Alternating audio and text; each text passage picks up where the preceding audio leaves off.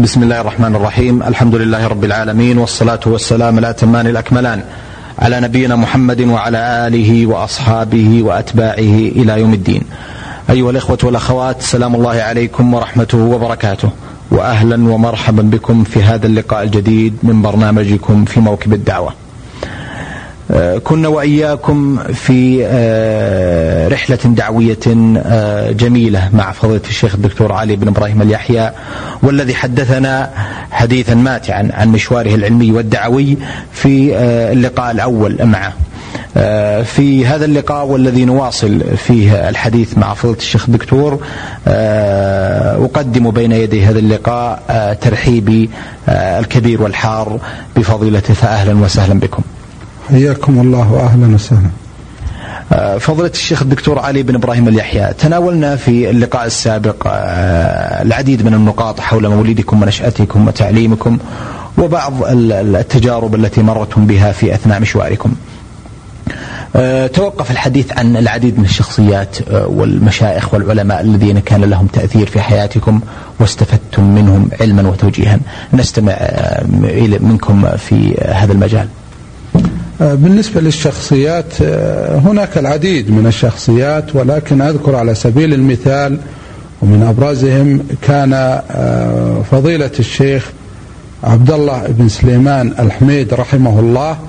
فهذا الرجل على كبر سنه في ذلك الوقت فهو شاب في طموحاته وفي عمله وفي جده واجتهاده فكنا معه كشباب ونحن في الدراسة وهناك مكتبة اسمها مكتبة ابن القيم الخيرية في جنوب بريدة قريب من السوق المركزي. الآن كان هذا موقعها وكان هو الذي يشرف عليها ويحثنا على المطالعة والقراءة والاطلاع وتقديم البرامج عبر الكلمات والمسرحيات التي نقيمها في هذه المكتبة. واستضافة العلماء والمشايخ ومن أبرز أولئك كان والدنا الشيخ عبد العزيز بن باز رحمه الله.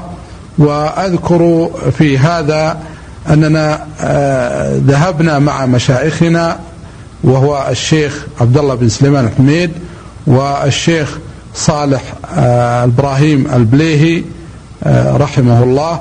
وكذلك الشيخ الجطيلي وعدد من المشايخ وطلاب العلم ثم بعض الشباب وكنا نحن من الصغار. ذهبنا لاستقبال آه، سماحة الوالد آه، كان قادما من المدينة المنورة.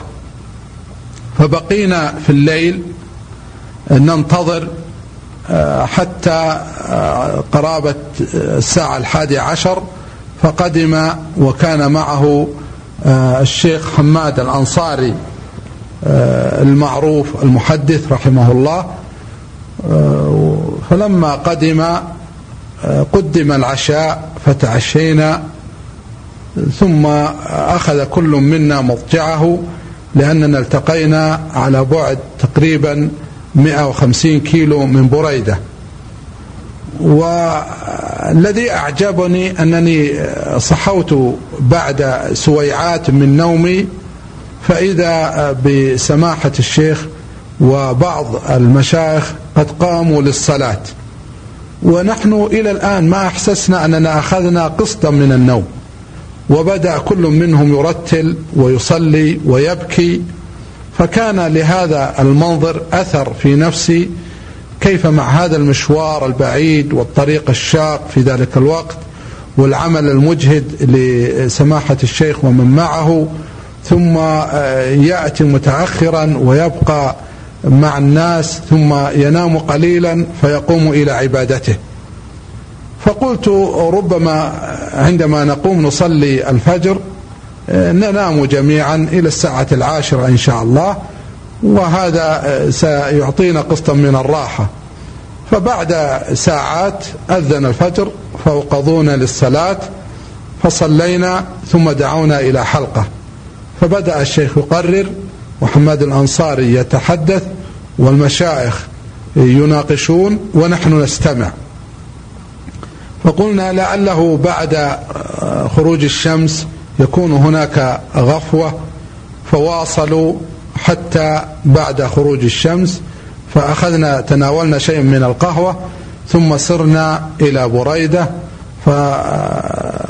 فبدأت الزيارة بين المشايخ في منازلهم وإلقاء الحديث والكلمات. فواصل الشيخ مشواره ولم يتوقف. أذكر في ذلك الوقت إلى أن جاء الليل وجاء النوم بعد الساعة العاشرة. فسبحان من أعطاه هذه القوة. على عبادة الله جل وعلا وعلى إفادة الناس وهذا لا شك أنه له تأثير على أنفسنا ولكننا ما, ما نزال قد استحوذ علينا حب الراحة والدعة والكسل فأسأل الله جل وعلا أن يعيننا جميعا على المشوار الذي نستطيع أن نواصل به حياتنا. فكذلك كما ذكرت الشيخ صالح البلي كان له دور في توجيهنا وتربيتنا وكانت لدروسه التي نحضرها ونناقشها أو نتناقش معه وكذلك بالنسبة للمحاضرات والدروس التي تقام في المساجد كان لها تأثير في سلوكي وفي حياتي بالإضافة إلى بعض أساتذة الجامعة من هؤلاء أساتذة من إخواننا من مصر وهم عدد كبير منهم محمد متولي وكان أستاذ التفسير وكذلك محمد فضل كان أستاذ الفقه وكذلك الشيخ محمد المرشد حيث عاد إلى الجامعة وبدأ يدرس والشيخ صالح المنصور الشيخ صالح الخزيم والشيخ علي الجمعة فهو قد درسنا.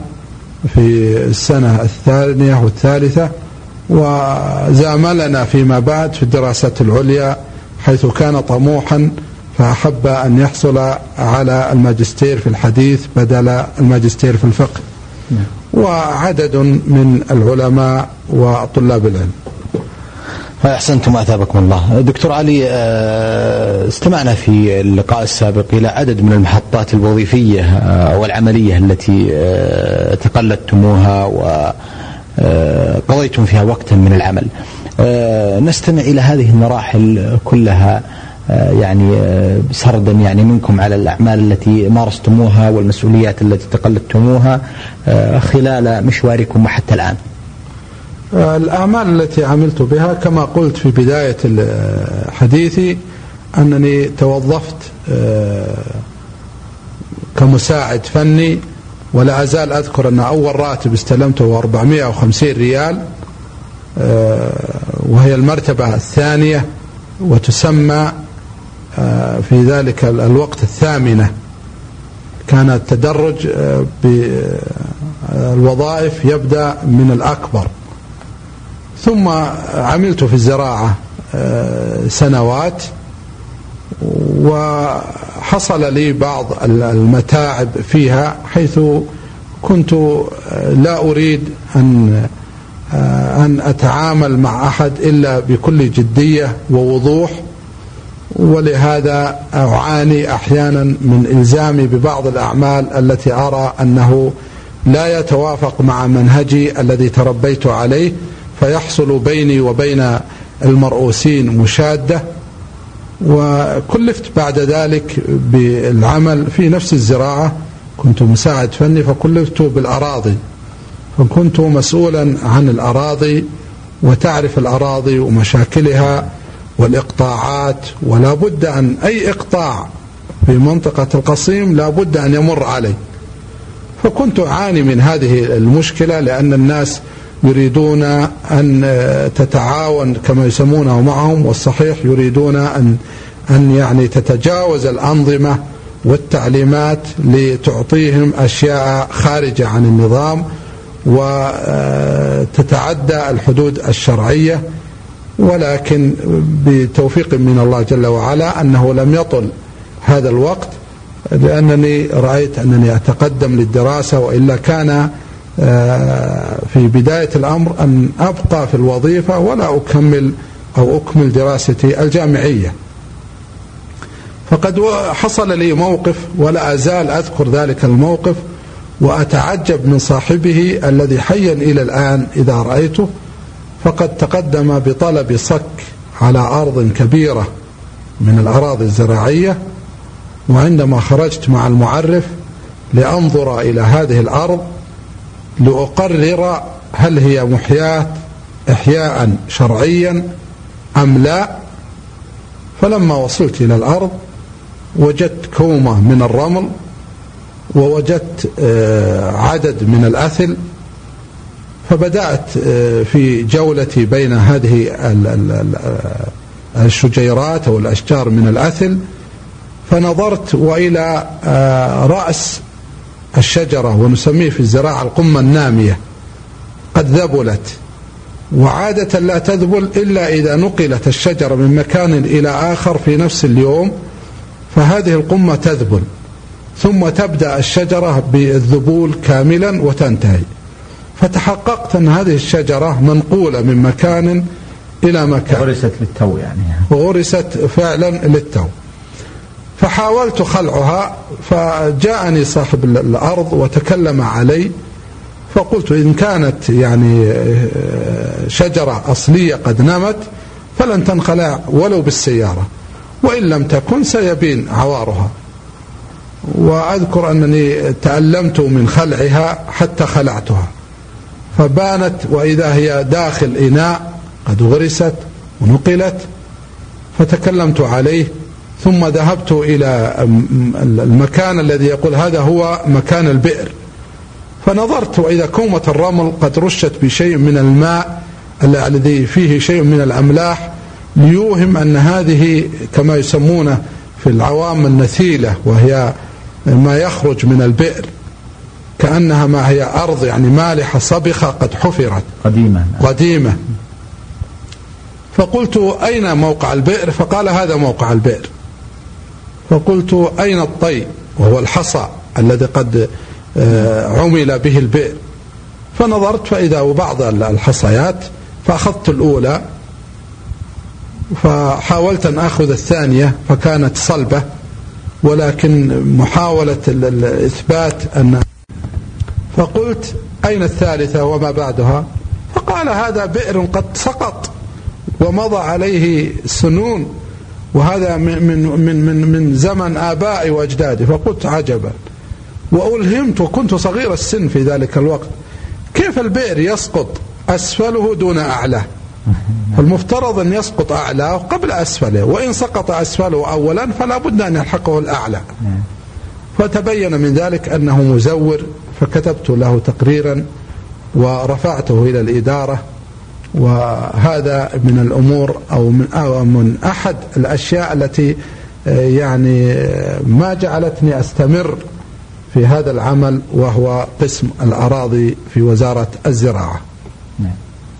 آه، انتقلت بعد الزراعة كما قلت إلى الطلب فتخرجت من آه، كلية الشريعة فعينت معيدا ثم وصلت آه، وبقيت معيدا ومديرا لشؤون الطلاب بفرع الجامعة أي لكلية الشريعة وأصول الدين وكلية العلوم العربية في ذلك الوقت. فلما حصلت على الماجستير آه، فوجئت أنني آه، أعين وكيلا لكلية الشريعة وأصول الدين والدعوة والاقتصاد في ذلك الوقت. وكان عميد الكلية هو الدكتور عبد الكريم اللاحب.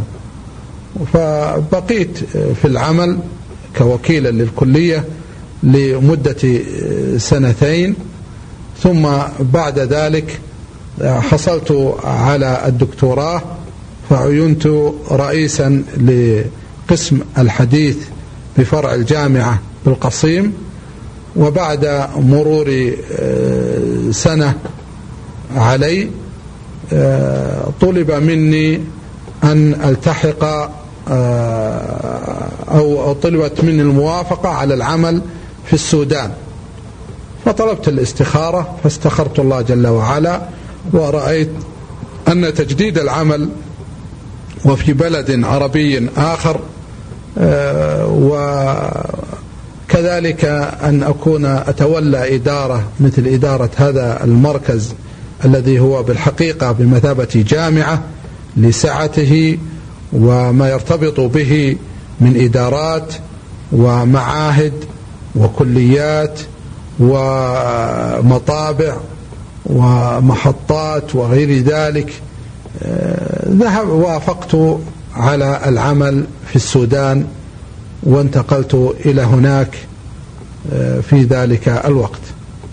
عام كم كان ذاك دكتور علي؟ آه، عام 1410 نعم. وأذكر هناك يعني طرائف وأشياء يعني مرت علي في السودان وفي عملي هذا وكنت قد استلمت العمل من أخي بل أعتبره أستاذ لي وهو الدكتور إبراهيم أبو عبات حيث أفادني كثيرا فيما آه، سألته عنه ومن خلال خبرته في العمل في السودان وكان بحق نعم الأخ الذي استفدت منه كثيرا وكان قد عرفني على عدد من الشخصيات من العاملين في المركز ومن مدراء الجامعات الذين لهم صلة في هذا المركز وشجعني على العمل وبقي معي اسبوعا حتى تم استلامي للعمل وبدأت. فلما مر الأسبوع الثاني أو الثالث كان في محرم وكانت الميزانية لابد من آه، إعدادها وإغلاق الصناديق وبداية الميزانية الجديدة. فكانت الميزانية أي ميزانية هذا المركز آه، تعتمد على الدول المساهمة في هذا المركز وهي سبع دول. آه، أولى هذه الدول المملكة العربية السعودية وتتحمل آه، ربع التكاليف ودولة الكويت ودولة قطر ودولة الإمارات العربية ودولة مصر ودولة المغرب ودولة المقر وهي السودان آه، وهم متساوون في التكاليف في تحمل تلك التكاليف. بالإضافة إلى أن المملكة قد تحملت آه، راتب وتكاليف آه، مدير هذا المركز حيث كانت هي التي تكلف من قبلها مديرا لهذا المركز وكان كما ذكرت قبل الدكتور إبراهيم أبو عباد ثم استلمت العمل منه. نعم. فلما توليت العمل ومضى علي قرابة الشهر وقد كتبنا إلى الدول من أجل أن ترسل كل دولة حصتها من المال وكان هناك مبلغ من المال كما علمت وبمقدار مليوني دولار في بنك في بيت التمويل الكويتي. ففوجئنا بأزمة الخليج الذي آه، كانت آه، يعني بداية آه، العمل الصعب مع هذا المركز. فكنت أفكر هل أقرر أن أنتقل عن هذا المركز لأنني ليس لدي الآن أي ميزانية أو أنني لابد أن أتعلم وأستفيد وأواصل وأكابد حتى أصل إلى نتيجة. فعلا قررت أن أبقى وأن أواصل ولعل الله جل وعلا أن يجعل على يدي خيرا وواصلت العمل وبقينا بالترشيد فأذكر أنني اجتمعت مع النائب للمدير للشؤون الإدارية والنائب للشؤون التعليمية ومدير شؤون الطلاب وغيرهم وقررنا الترشيد فبدأت كتابتي في الليل ما نمت تلك الليلة حتى توصلت أنني أخصم من كل طالب آه، حوالي عشرين غرام من السكر وحوالي أربعين غرام من الرز. وهكذا بالغرامات نخصم حتى توصلنا إلى أننا نستطيع أن نوفر يوميا كذا آه، كيلو من الأرز ومن السكر ومن الشاي. ووضعت آه منهجا مع الإخوان العاملين من السودانيين آه، خاص للمخازن بأن لا يخرج منها أي شيء. إلا بكل دقة. فكنا بالأول نتساهل حتى لو أحد العمال أو أحد الموظفين محتاج إلى شيء من من مما هو مخزون نتعاون معه لأن الأمور يسيرة. لكن بعد هذه الأزمة حاولنا أن نقف حتى لا يبقى هؤلاء الطلاب من غير طعام. هؤلاء الطلاب آه، من جميع آه، الدول الإفريقية عدد من الدول الإفريقية ما يقارب ثمانين دولة. أفريقية وكلهم قد جاءوا للتعلم في هذه في هذا المركز وهو المركز الإسلامي الإفريقي. فبدأنا في هذا المشوار ووصلت ومر علي أزمات يعني كثيرة آه، بعملي في آه، السودان آه، خاصة لبعض المواقف السياسية التي كانت بين الدول.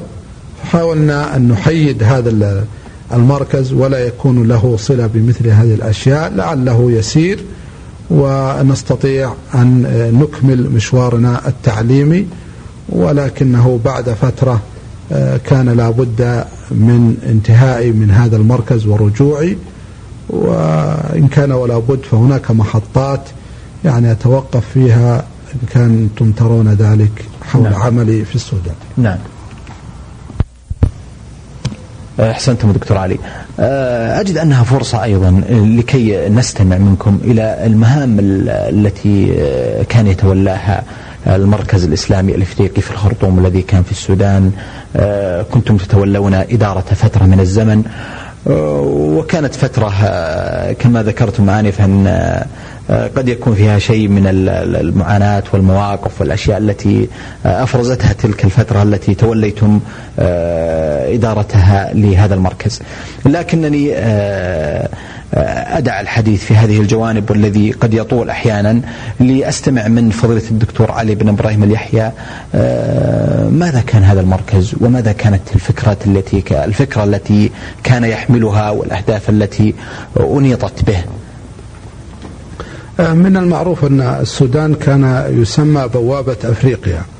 ولهذا رأت الدول العربية التي ذكرتها أنه لا بد من إعداد آه، مقرا لأبناء أفريقيا لتدريسهم العلوم الشرعية والعلوم العربية وكذلك الأعمال المهنية آه، حتى يستطيعوا أن يخدموا دينهم وبلادهم. فأنشئ هذا المركز بمسمى المركز الإسلامي الإفريقي. وهذا المركز آه، أنشئ على مساحة كبيرة جدا ففيه مباني للكليات ففيه كلية الدراسات الإسلامية وفيه كلية اللغة العربية وفيه المعهد الثانوي وفيه آه، المركز المهني الذي هو عبارة عن خمسة أقسام أو ستة من الكهرباء والسيارات وغير والنجارة واللحام وغير ذلك. وكل هذه الأعمال آه، التي يتولاها المركز آه، تدار بإدارة كما ذكرت آه، من عدد كبير من الموظفين يصل عددهم مع المدرسين إلى أكثر من 300 شخص وكلهم من إخواننا من السودان. سوى مدير هذا المركز الذي كان آه، يختار آه، من آه، المملكة العربية السعودية بطلب من مجلس أمناء المركز لأن المملكة تتولى هي إيفاد ذلك المختار وكذلك تتولى هي رواتبه وكل ما يتعلق ب هذا الشخص من أمور مالية وغير ذلك. آه، هذا المركز كان آه، عبارة عن آه، مدينة متكاملة حيث كان فيه فندق كبير كنا نستضيف فيه الضيوف بل ونؤجره أحيانا على عدد ممن يرغبون السكنى في مثل هذا المركز كان فيه جامعا من أكبر الجوامع ومكيف ومفروش وفيه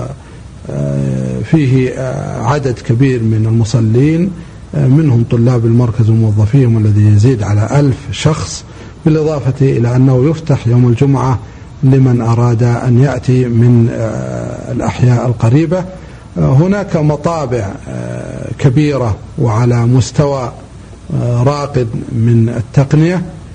فكثير من مطبوعات المطبوعات الحكومية السودانية تطبع في هذه المطابع. طبعا في عبارة اتفاق بيننا وبينهم لأنه يكون دخلا للمركز. أنشئت كذلك مخابز ولكنها لم تشتغل بعد عندما كنت هناك. هناك محطة بنزين للسيارات مع قلة البنزين في ذلك الوقت إلا أنه متوفر في المركز. هناك أبار ارتوازية للمياه الحلوة التي قد لا تكون متوفرة في كل مكان. فهذا المركز عبارة عن مدينة جامعية حاوية لكل الأشياء الإضافة إلى المساكن للطلاب وللموظفين ولجميع العاملين على اختلاف طبقاتهم. وكان إدارته العليا هم هو مجلس أمناء المركز الذي يمثل كل دولة من هذه الدول السبع بأمين منها عبارة عن وكيل وزارة أو سفير أو في رتبة وكيل وزارة يرأسه كل سنة دولة من الدول. ثم من تحت هذا المجلس وهو مجلس الأمناء مجلس الإدارة. ومجلس الإدارة يتكون من مدير المركز رئيسا للمجلس ومدراء خمس جامعات ورؤساء الأقسام الكبيرة داخل المركز. بما في ذلك نواب المدير هذا يكون مجلس الإدارة. هو السلطة التنفيذية بعد مجلس الأمناء ثم بعد ذلك مدير المركز وله لجنة استشارية من الإداريين لتسيير أعمال هذا المركز. هناك دورات تدريبية تعقد في هذا المركز. هناك كذلك قوافل دعوية ترسل إلى بلاد أفريقيا من هذا المركز. هناك برامج تعليمية ومناهج هناك مطبوعات عديدة من ذلك كذلك المصحف في رواية الدوري طبع في مطابع المركز وهناك أعمال قد يطول شرحها وتفصيلها في داخل هذا المركز. أحسنتم. دكتور علي مصير المركز الإسلامي الأفريقي الآن كيف هو الآن؟ دولة السودان حاولت أن تحوله إلى جامعة حولته إلى الجامعة جامعة أفريقيا العالمية وأصبحت هي التي تديره دون بقية الدول. نعم. أحسنتم أثابكم الله.